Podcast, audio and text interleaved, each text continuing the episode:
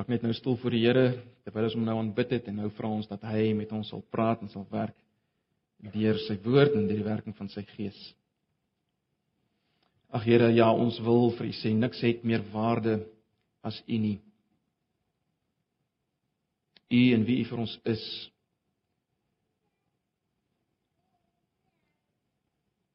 Dankie dat ons ver oggend met vrymoedigheid kan kom in die heiligdom omdat die voorhangsel geskeur is. Here Jesus, toe U liggaam geskeur is onder die toorn van God vir ons sonde. En nou kan ons staan in U teenwoordigheid. Ons het vrede by U. Ons dank U daarvoor.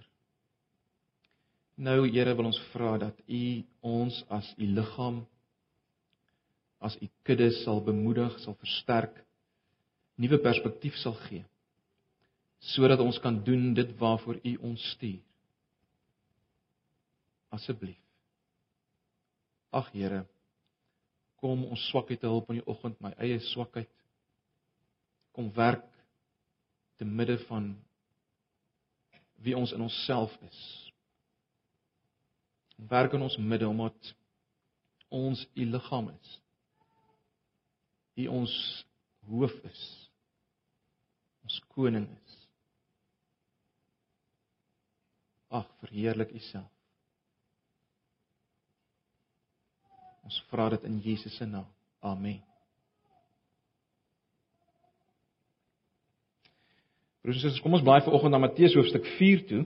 Matteus hoofstuk 4.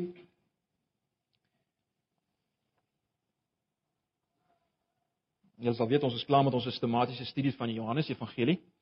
Uh nou ons gaan waarskynlik hier by Junie maand se kant gaan ons begin met 'n nuwe reeks oor die boek uh, Efesiërs.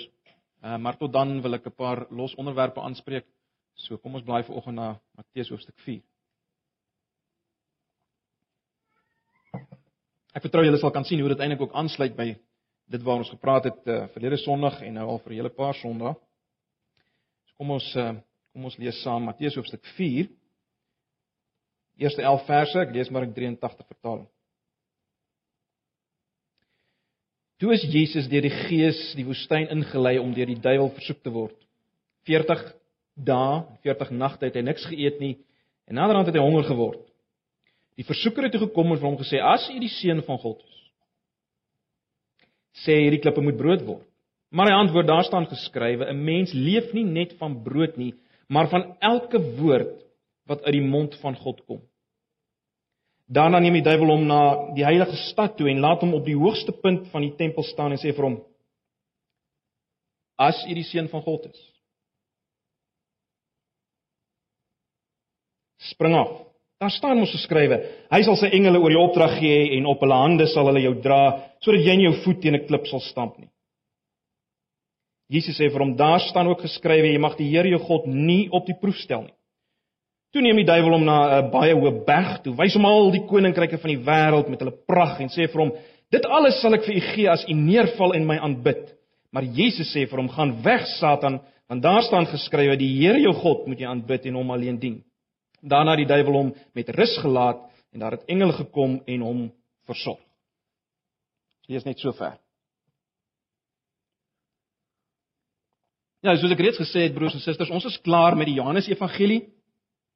En julle onthou ons het gesien dat die hele doel van die evangelie was volgens Johannes 20 vers 31 dat ons deur te glo dat Jesus is wie hy is, dit wat ons gesien het in die boek Johannes, dat ons deur dit te glo lewe sal hê. Lewe met 'n hoofletter. Lewe wat bestaan uit in die regte verhouding met God wees en die regte verhouding met mekaar wees, né? Nee, dis die lewe waarvan Johannes Evangelie praat. Nou baie belangrik. Hoekom is is hierdie lewe vir Johannes so kardinaal belangrik? Hoekom is dit so belangrik dat ons hierdie lewe sal hê? Wel, nie net sodat ons vir altyd sal aangaan nadat ons ook gesterf het om in die teenwoordigheid van God te wees en 'n verhouding met hom en met die rondom ons tot in ewigheid nie. Nee, dit is belangrik om hierdie lewe te hê ook sodat ons hier en nou kan doen dit waarvoor Jesus ons stuur as individue en as sy liggaam. En wat is dit? Wel, julle sal weet, ons het nou al baie daarna verwys Johannes 20 vers 21. Uh som dit baie mooi op waar Jesus vir sy disippels sê, soos die Vader my gestuur het, stuur ek julle ook. En dit is op ons van toepassing omrede hy dit gesê het vir die disippels wat die kern sou vorm van die kerk wat nou sou ontstaan na die uitstorting van die Gees. So dis van toepassing op ons en op ons as gemeente want ons is ons is deel van hierdie hierdie gestuurde liggaam nou van die kerk van die Here Jesus. En daarom sluit dit jou in. Wat deel is van hierdie liggaam. Maar nou, nou is daar 'n probleem. Ek dink nie ek is verkeerd as ek sê ons sukkel om dit te vat dat Jesus ons werklik stuur soos die Vader hom gestuur het. Want ons sukkel om onsself en as ek praat van onsself, dan praat ek as Christene, as mense wat deel is van die liggaam. Ons sukkel om onsself te sien as mense wat soos Jesus gestuur is. Nee, ons sukkel met daai deel. Ons sukkel om onsself te sien as Christene as mense wat soos Jesus gestuur is. Om dit anders te stel, ons sukkel veral met die gedagte dat God oor my kan dink en voel soos hy oor Jesus gedink en voel het. En daarom in die aard van die saak sukkel ons daarmee dat hy ons soos Jesus kan instuur in die wêreld om sy koninkryk te laat sigbaar word. Met ander woorde, om dit anders te stel,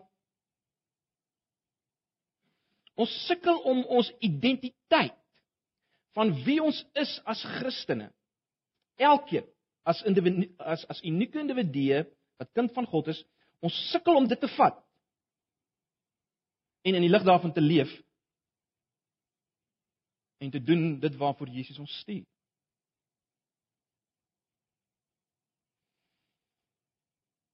Want sien ons ons luister na ander stemme en soek op ander plekke om te hoor wie ons is. Ons luister nie na dit wat God sê, dit wat Christus sê wie ons is nie. Ons ons wil op ander plekke hoor wie ons is. Ons kyk na ander plekke. Hoe ons groot geword het. Dit wat ons van kleins af gehoor het wie wie ek is. En die kultuur rondom ons en dit wat die kultuur sê wie ek is. Dit bepaal grootliks ons identiteit, ons idee oor onsself en dit lê ons lam. As dit kom by hierdie opdrag wat wat Jesus aan ons gee, dit dit lê ons lam, nie waar nie? As individue lê dit ons lam en uiteindelik dan lê dit ons lam ook as 'n gemeente want gemeente bestaan natuurlik uit individue wat wat uit hierdie identiteit moet leef. Nou, ons moenie vergeet dat die duiwel sit agter hierdie dinge nie. Die duiwel wil ons laat twyfel aan wie ons is volgens God, volgens Christus. Dis hy wat sit agter die versoeking om ons te laat glo dat ons iets anders moet najag as wat ons is. Dis hy wat agter dit sit. En dis broers en susters, hoekom ek wil hê ons moet vanoggend kyk na hierdie versoeking van Jesus soos dit opgeteken is vir ons deur Matteus. Nou natuurlik, voordat ons kyk na hierdie um, versoeking van Jesus, moet ons oortuig wees daarvan dat ons dit kan vat, né? Nee, dat ons wel daarna kan kyk en dit gebruik. So dis die eerste vraag wat ons moet beantwoord. Kan ons hierdie gedeelte van die versoeking gebruik? En my antwoord is ja, op grond van twee redes. In die eerste plek, soos ons nou al reeds gesien het, omdat ons gestuur is soos Jesus, hy stuur ons dan soos soos hy gestuur is. Hy is versoek en daarom kan ons kyk na die versoeking. Maar daar's nog 'n rede. Uh, as ons kyk na Hebreërs hoofstuk 4, miskien kan julle vinnig so intoe blaai as julle wil, Hebreërs hoofstuk 4. Julle ken waarskynlik die gedeelte. Hebreërs hoofstuk 4.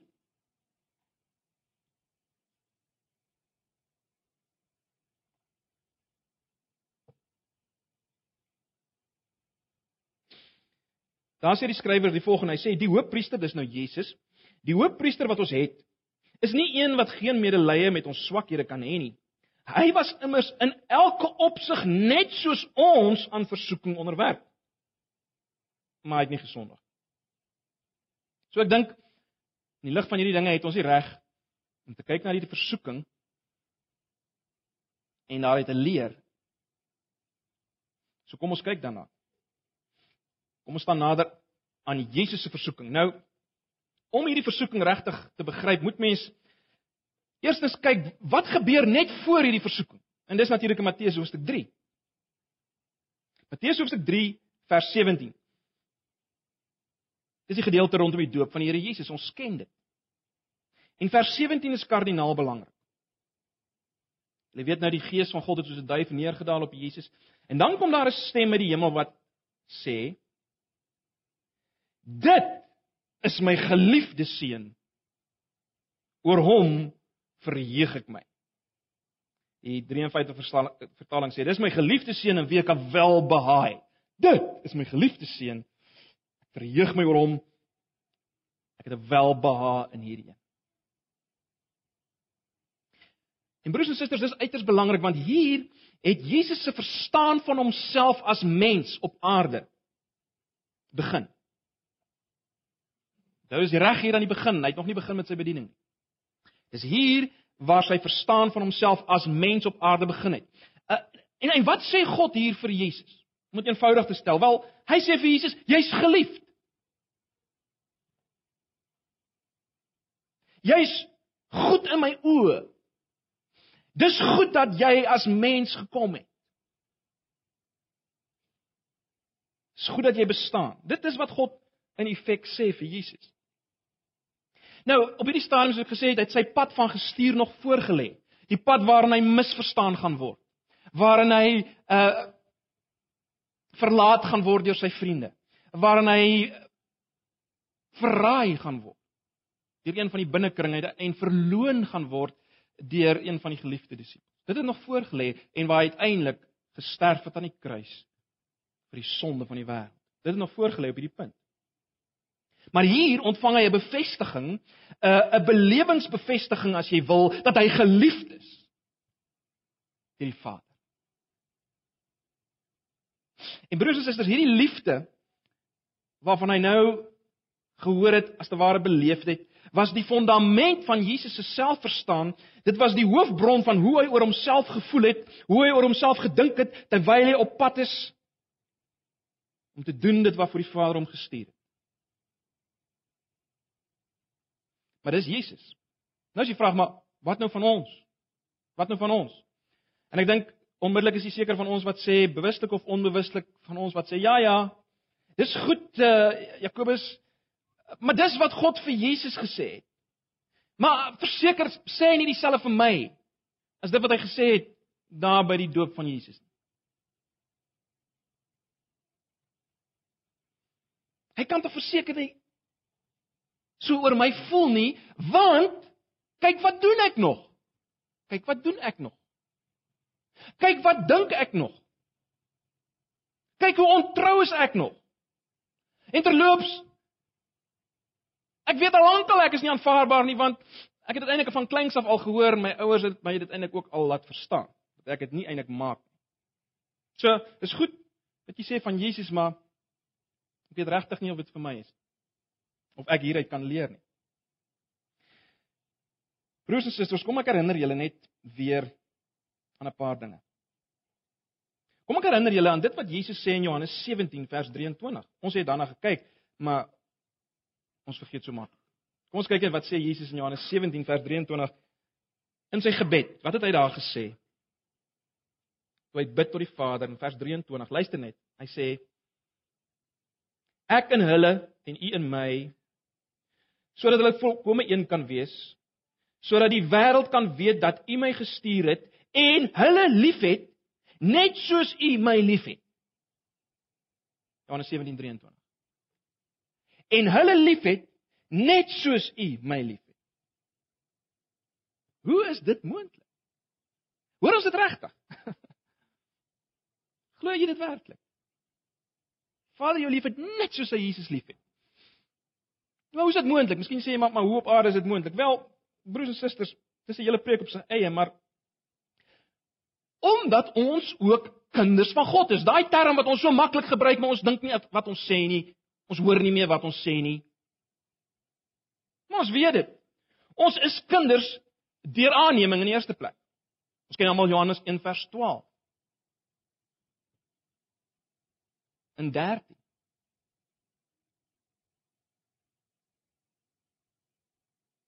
En almal wat hom aangeneem het, gee hy die mag om kinders van God te word. En dan in vers 13 lees ons, dis hulle wat uit God gebore is. So ons neem hom aan. Ons is gebore uit God. Baie gedeeltes maak dit baie duidelik dat God het ons aangeneem. Paulus praat baie daaroor. Maar ons is nie net kinders deur aanneming nie, hoe, hoe geweldig dit ook al is dat die God van die heelal my aanneem as 'n kind. Maar die Bybel gaan verder en maak dit baie duidelik, soos nou al gesê het in Johannes 1 vers 13, maar ons dink ook aan aan 1 Johannes, die boek 1 Johannes, eerste brief van Johannes waar hy dit duidelik maak ons is kinders deur geboorte. Ons is weergebore as kinders van God. En daarom kan een, eh, kan Johannes uitroep in 1 Johannes 3 vers 1: "Kyk, wat 'n groot liefde die Vader ons bewys. Hy noem ons kinders van God." Dis asof hy sê, "Hoor ons dit? Ons is kinders van God." Kan julle verstaan hoekom Jesus kan bid?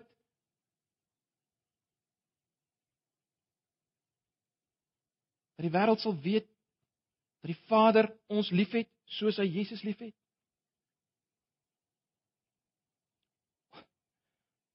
Want ons is sy kinders, soos Jesus sy kind is. Miskien sê jy, ja, maar maar wag, Jakobus, wat van my sonde? Uh, wat van my tekortkoming? Ek is tog nie 'n kind soos Jesus nie. Ek is die slegste kind. Aha. Maar is dit nie juist die boodskap van die evangelie nie? Hoor ons dit nie? Verstaan ons dit dan nie? Is dit nie die boodskap van die evangelie dat God aanvaar my met my sonde en my gebreke? Hoekom? Want iemand anders het in my plek die straf gedra, die ongelukkigheid van God daarmee gedra Ek ontvang die lewe wat Jesus geleef het in my plek wat God behaag het van volkomme liefde, sondeloosheid. God sien my so as hy na my kyk. Dis die evangelie. God kyk na my en hy sien dit. Jesus se lewe in my plek en die feit dat my straf klaar uitgewis uh, gedra is. En daarom dink God oor my en tree God op teenoor my op grond van dit wat hy sien in Christus. Hy dink oor my, hy tree op oor eh, teenoor my op grond van wat ek is in Jesus. Dit is belangrik. Wat hy van my dink, hoe hy oor my voel. Ek bepaal deur my posisie in Jesus Christus. Ek is as in as individu, as unieke individu, ek sal nou weer daaroor iets sê, is ek nou gebore as sy kind en ek staan vir hom met die lewe van Jesus. En daarom is ek geliefd. Het hy welbehae in my? Hy verheug hom in my. Hy verheug hom in my. Broers en susters te loops. As jy nog hier sit en jy dink dat God se tevrede wees met jou en se behae in jou is geleë in jou eie gehoorsaamheid en toewyding en die bring van jou kant As jy nog so dink, dan verstaan jy nie 'n snars van hoe ernstig sonde is nie en wie God is nie. Jy moet hoor dat jy absoluut geliefd is. Hy het absolute welbehae in jou. Hy verheug hom oor jou. Want jy's kind van God deur Jesus Christus.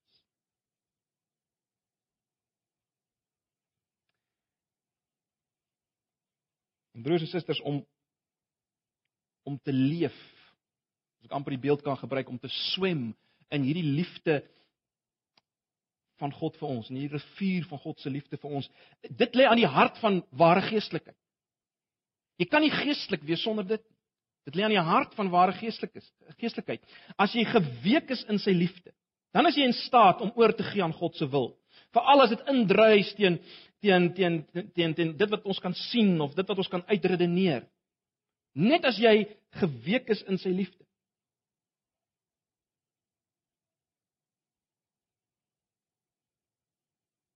En daarmee saam is dit belangrik as ons praat van ons is ge, uh, geweek in sy liefde ons as individue. Uh, ons vergeet dikwels dat ons dat God ons gevorm het en gemaak het innerlik elkeen met 'n unieke persoonlikheid met 'n uh, gedagtes, drome, temperament, gevoelens, talente, begeertes. En dis daardie persoon, baie belangrik. Dis daardie persoon wat nuut gemaak is as sy kind. Nie 'n ander een nie. En wat daarom geliefd is. Sy kind is, nie iemand anders nie. En is daardie persoon wat gestuur word soos Jesus in die wêreld. Mens kan amper sê God plant 'n 'n ware self in ons. En is daardie persoon wat hy liefhet, wat vir hom kosbaar is en wat saam met ander sulkes gestuur word om die koninkryk van God sigbaar te maak soos Jesus. Maar jy sien dis waarmee die Satan nie tevrede is nie. Satan wil nie ons moet so gestuur word in die wêreld nie. Hy wou nie gehad het Jesus moes as mens die wêreld inbeweeg nie. Die wêreld waarvan 2 Korintiërs 4 vers 4 sê hy die God is. Daai wêreld. Wêreld in rebellie teen God. Praat nie van die fisiese aarde nie. Satan wou nie gehad het Jesus moet in hierdie wêreld inbeweeg nie. En hy wou nie gehad het Jesus moes in hierdie wêreld inbeweeg met 'n bewustheid van wie hy is nie. Hy het geweet as hy kan verhinder dat Jesus in hierdie wêreld kan inbeweeg met 'n bewustheid van wie hy is, dan kan hy dit waarvoor Jesus gestuur is neutraliseer.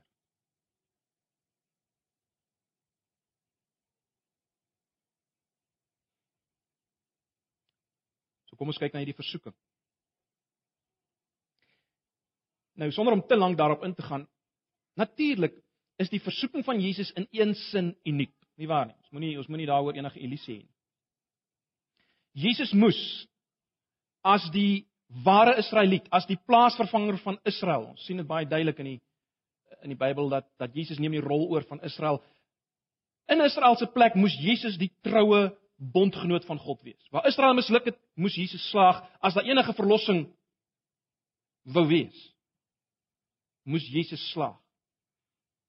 En dis waarom hy versoek is. Baie interessant terloops, hy haal heeltyd net uit Deuteronomium aan die verbondsboek om te om te wys hy is die getroue bondgenoot van God in Israel se plek. Hy moes slaag om 'n verlosser te wees. Maar natuurlik gaan dit nog verder. Israel, weet ons weer, het die rol natuurlik van Adam oorgeneem, né? Nee, dit is baie interessant. Byvoorbeeld aan Abraham word al die al alles wat gesê word vir Adam word in die vorm van beloftes aan Abraham gegee, die vader van Israel. So, ons kan sê Jesus moes slaag, die versoeking slaag in die plek van Adam waar Adam misluk het. Adam is natuurlik versoek in ideale omstandighede voordat sonde nog die wêreld ingekom het, is hy versoek. En hy het geval. Jesus word versoek onder haglike omstandighede in 'n woestyn, in 'n wêreld vol sonde en hy slag. So ons kan sê Jesus se versoeking is natuurlik uniek uh deurdat hy in ons plek vir ons verlossing staande bly in versoeking. In daai sin is dit uniek. Maar As ons in Jesus is en gestuur is soos hy, dan kan ons en ons moet kennis neem van van die versoeking van Satan. As ek as ek dit so kan stel, die taktik van Satan.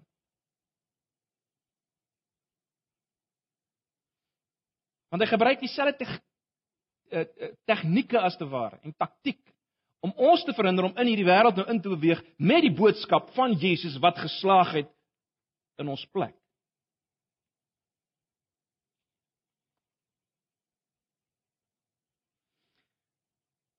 So hoe lyk en klink hierdie versoeking? So ons het nou gekyk en gesien Jesus is uniek in sy versoeking aan die een kant, maar aan die ander kant deel ons in hierdie versoeking. Hoe hoe lyk dit? In watter vorm kom dit na ons toe? En ek wil ek wil as te ware 'n 'n naam gee vir elkeen van hierdie versoekings net dat ons 'n miskien 'n makliker greep daarop kan kry. In watter vorm kom dit na ons toe? Hoe klink dit? En ek gaan 'n naam vir elkeen gee. Die eerste versoeking wil ek so benoem. Die eerste versoeking lui so: Ek is wat ek doen.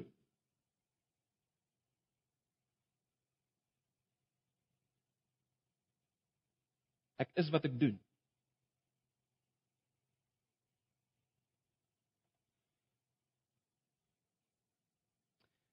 Kyk net weer na Matteus 4 vers 3 en 4.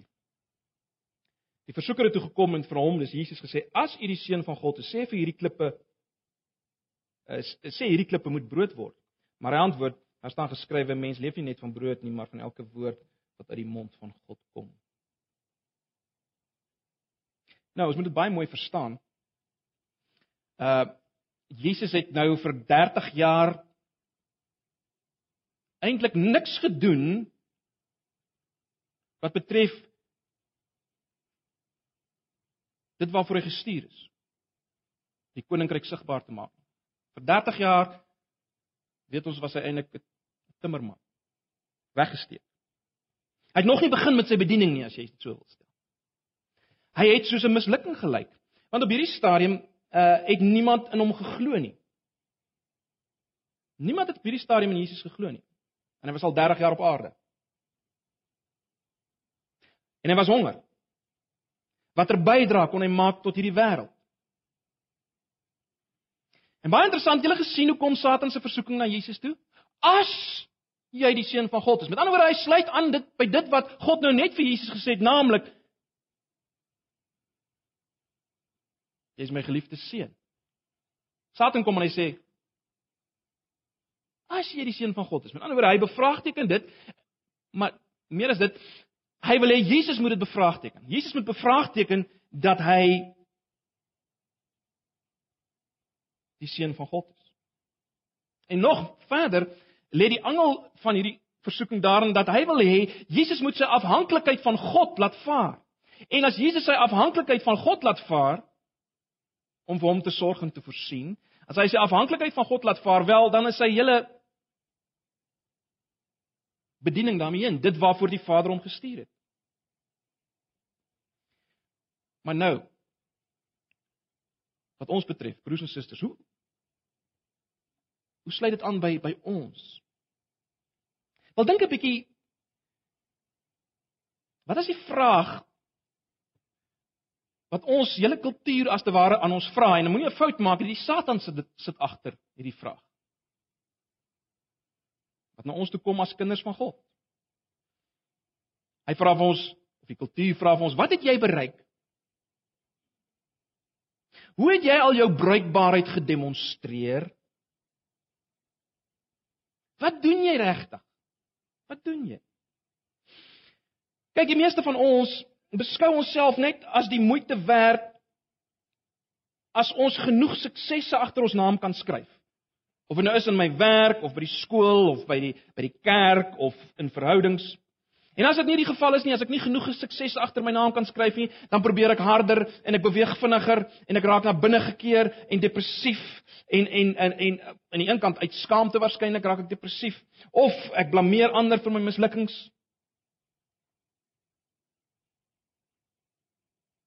En in diepste wil die Satan ook hê dat ek en jy nie tevrede moet wees met ons posisie onder God as sy kinders nie. In afwagting van hom. Hy wil nie ons moet daar wees nie.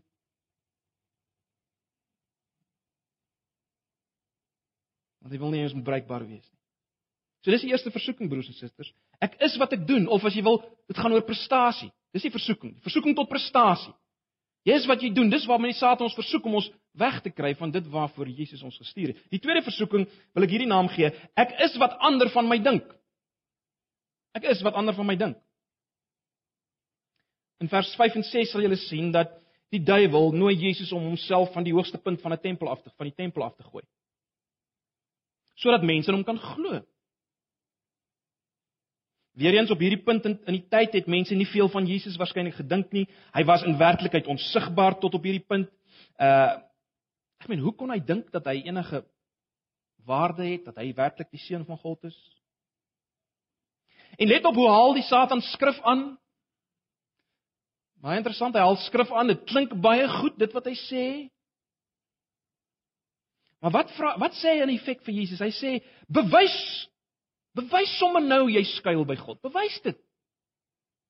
Bewys jou vertroue in God. En hoe hoe moet jy dit doen? Wel, wees iets spesonders man. wees iets spesiaals. Vestig die aandag op jouself. Dis wat die dis wat die duiwel vir Jesus sê. Jesus antwoord hom natuurlik. Hy gebruik as jy wil die swaard van die gees, die woord en uh, hy wys daarop dat die wat op God vertrou behaag hom. Hy haal daar aan uit Deuteronomium 6 vers 16. Uh nie die wat eintlik uit wantroue wil hê God moet homself bewys sodat mense in hom kan glo nie en eintlik sodat jy kan beter lyk nie. God het nie behaag in hulle nie. God het behaag in die wat op hom vertrou. Dis wat Jesus wys. Maar terug by ons. Broers en susters, ek en jy plaas 'n hoër premie op wat mense van ons dink as wat ons graag sou wou erken.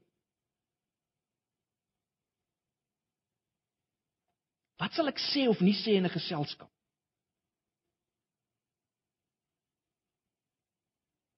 Na watter skool my kind gaan? Wat sal die mense sê as hy na die skool toe gaan?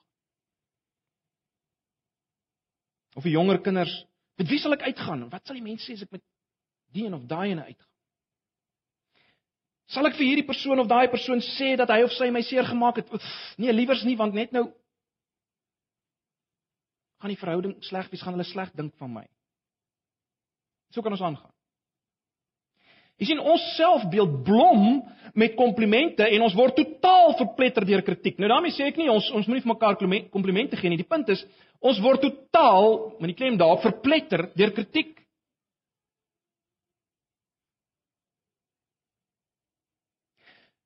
Ware vryheid broers en susters uh om gestuur te wees soos Jesus. Ware vryheid om gestuur te wees soos Jesus kom wanneer ek nie meer nodig het dat iemand anders sê ek is spesiaal. Of dat ek spesiaal moet wees in iemand anders se oë nie, want ek weet ek is geliefd en goed genoeg vir God. Dan's ek vry. Eers ek dit weet. As ek weet ek is geliefd, ek is goed genoeg vir God. Grond van dit wat hy gedoen het in Christus. Dan's ek vry, dan het ek nie nodig dat ek spesiaal moet wees in iemand anders se oë nie.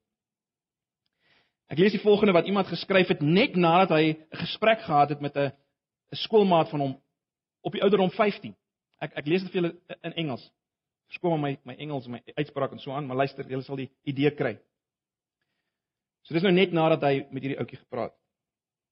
I suddenly realized that for the entire 10 minute period from when I first seen my classmate until that very moment, I had been totally self-preoccupied. For the 2 or 3 minutes before we met, All I was thinking about was the clever things I might say that would impress him. During our five minutes together, I was listening to what he had to say only so that I might turn it into a clever rejoinder. I watched him only so that I might see what effects my remarks were having upon him. And for the two or three minutes after we separated, my sole thought content was those things I could have said that might have impressed him even more. I had not cared a whit for my classmate. Nou broers en susters, dit geld nie net vir 15-jariges. Dink mooi aan jouself. Dink mooi aan jouself.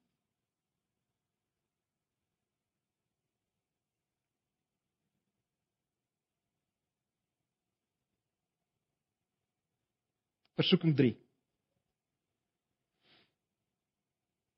Ek wil dit hierdie naam gee. Ek is wat ek het.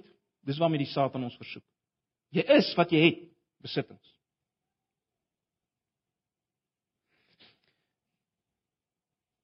In vers 6 tot 10 sou jy gesien dat die duiwel wys vir Jesus al die koninkryke.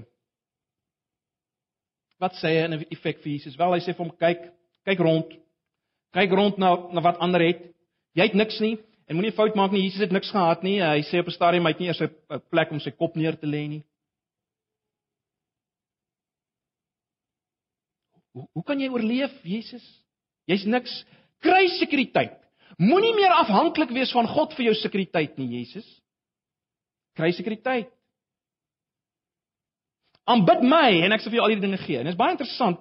Dit is baie interessant daar's 'n nou verband tussen die versoeking om jou identiteit te vind in wat jy het en die aanbidding of die buig voor Satan is is interessant, né? Nee. Want die Satan is natuurlik die god van hierdie wêreld. Die wêreld waaroor dit gaan ek wil hê en ek het 1 Johannes 2:15 tot 17. As 'n nou verband tussen jou identiteit vind in wat jy het en die buig voor Satan. Ag broers en susters, as Jesus hier ingegee het, was alles natuurlik daarmee heen. Maar Jesus, dank God, hy buig nie voor nie. Uh hy maak duidelik dat God alleen moet aanbid word en per definisie, as jy God alleen aanbid, dan vind jy jou identiteit in hom en nie in besittings of dit wat hy vir jou kan gee nie. Dis wat Jesus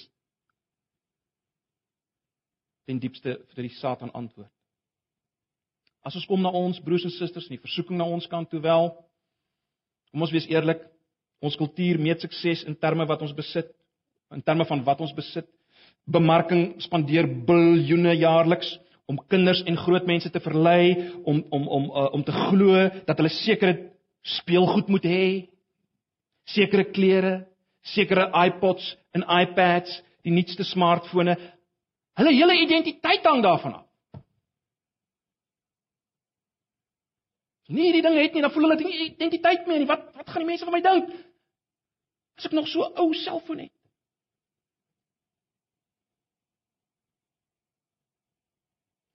As volwassenes meet ons onsself aan mekaar deur vergelyking, né? Nee. Wie het die meeste geld? Wie die mooiste gesonde liggaam? Wie die gemaklikste lewe? Weer eens ons gevoel van waarde word dikwels gebind aan my posisie by die werk. Dit wat ek kry by die werk en my byvoordele by die werk. Dit bepaal my waarde. Wie die beste skoolopleiding, die meeste talente, die meeste sertifikate, medaljes, grade, noem op. Jong mense, wie die oulikste boyfriend of meisie? Wie die mooiste vrou, aantreklikste man en so voort. Broers en susters, laat ons geen fout maak nie. Om myself te definieer as 'n seun van God wat bemin word deur hom buiten enigiets anders is baie gevra in die tyd waarin ons leef, in die kultuur waarin ons leef.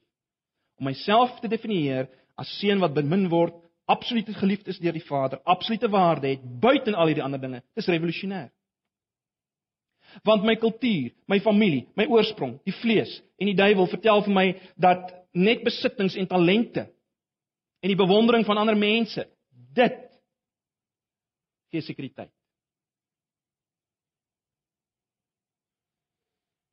Wat wys Jesus hier?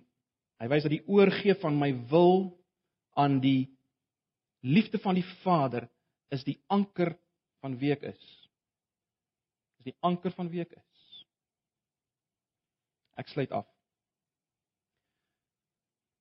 Die groot einddoel van die versoeking by Jesus was natuurlik om hom te laat afsien van die pad van die kruis wat hy moet loop, né? Nee. Jy wil wil hê Jesus moet 'n ander pad kies, 'n kort pad na heerlikheid. Want dan sou die hele verlossing van die mensdom daarmee heen wees as as hy dit kon regkry dat Jesus 'n ander pad kies. En en die manier waarop hy wil hê Jesus moet 'n ander pad kies is om Jesus te laat twyfel aan wie hy is in die Vader se oë, want dan is dit maklik om hom 'n ander pad te laat kies. En dieselfde doen hy met ons broers en susters. Dieselfde doen hy met ons. Hy wil jou hy wil hê jy moet jou identiteit in ander dinge vind sodat jy nie die pad stap wat Jesus stap.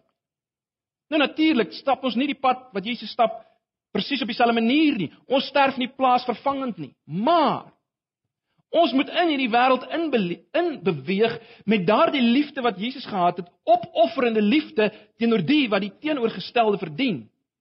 En jy kan net daai pad stap as jy oortuig is van die Vader se liefde vir jou. Net dan sal jy dit nie soek in iets anders nie.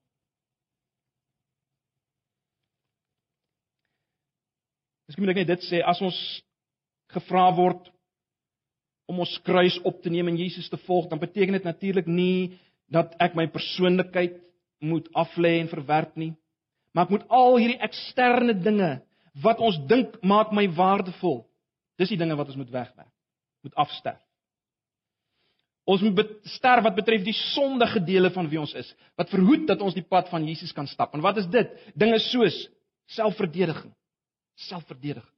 Altyd myself wil verdedig. Eie sinnigheid, arrogansie, valsheid, hardkoppigheid, 'n veroordelende gees, tekort aan sagtheid. En en en dan natuurlik die groot sondes van leuns en en al daai dinge. Steel en lieg, die dinge. Dis wat ons moet afsterf. Let wel broers en susters, ons word nie gevra in die Bybel om om dinge soos vriendskap en vreugde, kuns, musiek in sigself, mooiheid, ontspanning, die natuur, lag, hierdie dinge. Ons word nie gevra om dit af te sterf nie. Want dis wat God gemaak het. Dis waar ons uniekheid lê as individue ook.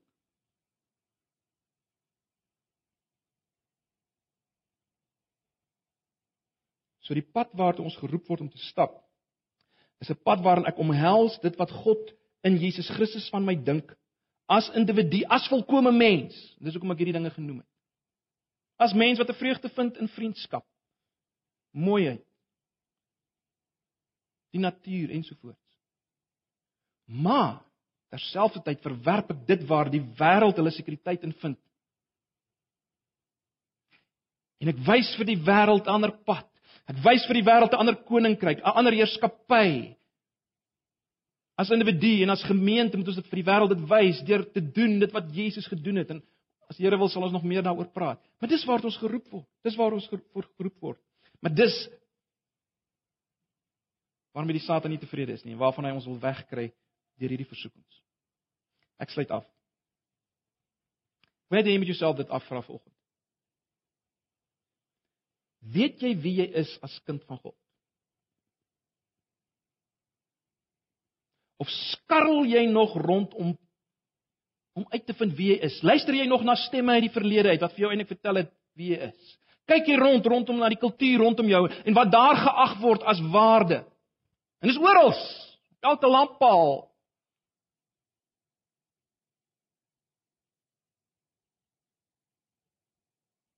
Soek jy daar jou waarde?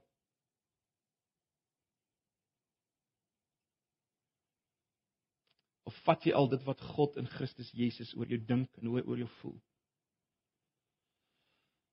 Broers en susters, as ons dit werklik vat, dan maak dit ons vry, vry van onsself, sodat ons kan leef na ander toe. Sonder om heeltyd hand op die pols te wees.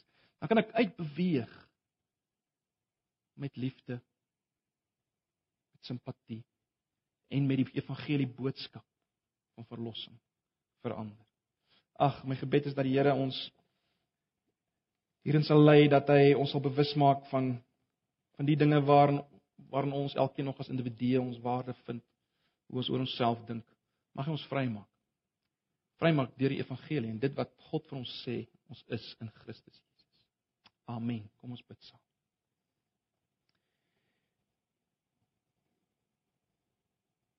Here baie dankie vir u woord.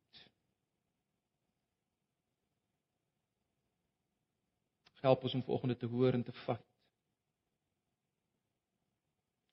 En ag as jy volgende ook iemand is wat u nog nie ken nie, nog nie na u gevlug het nie, dat hy of sy sal sal besef dat 'n ware identiteit en ware geliefdheid is net te vind by u.